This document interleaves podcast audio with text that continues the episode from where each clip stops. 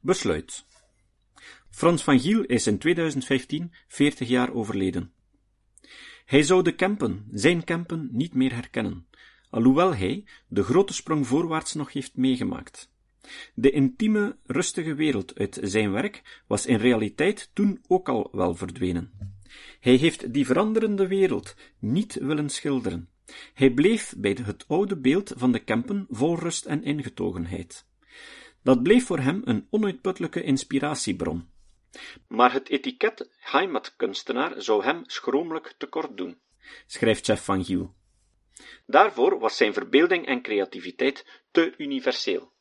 Het woord heimatschilder is erfelijk belast, maar misschien kan ik hier nogmaals Emiel van Hemeldonk citeren, zoals hij het al beschreef in 1974. Folklore is geen kunst. Folklore kan bekoren wanneer zij middel en geen doel is. Heimat in de Kempen is meer dan een kantmuts of een kapmantel. Heimat is geest, folklore is trend.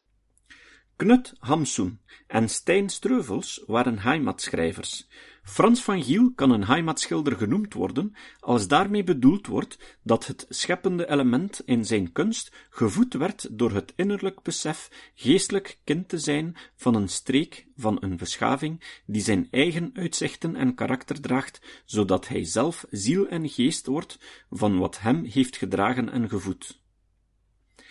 De kunst van Van Giel ze heeft tevens voor ons, mensen uit de 21ste eeuw, naast het artistieke en het emotionele, ook een grote documentaire waarde.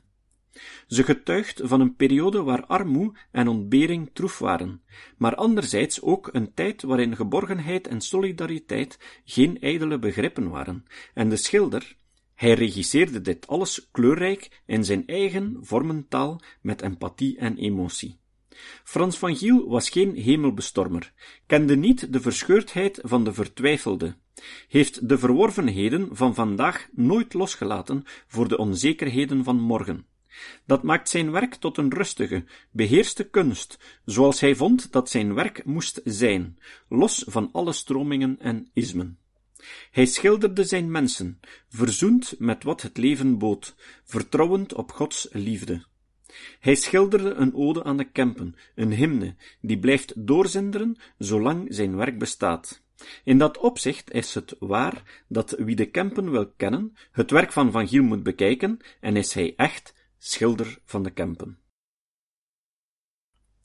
We kunnen dit werk over Frans van Giel niet afsluiten zonder zijn zoon Jeff te vernoemen, die de aanzet hiervoor vormde.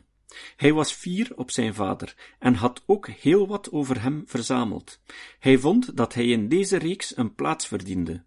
Voor Jeff van Giel hadden wij gehoopt dat het artikel sneller tot stand had kunnen komen, zodat hij het nog had kunnen lezen en zeer waarschijnlijk nog met allerlei info had kunnen aanvullen. Hij is in de loop van de voorbereiding overleden, op 12 oktober 2005. Een oprecht dankwoord aan de familie van Giel is hier op zijn plaats voor de hartelijke en sympathieke samenwerking bij het tot stand komen van het artikel en de bijbehorende tentoonstelling over hun vader, de kunstenaar Frans van Giel.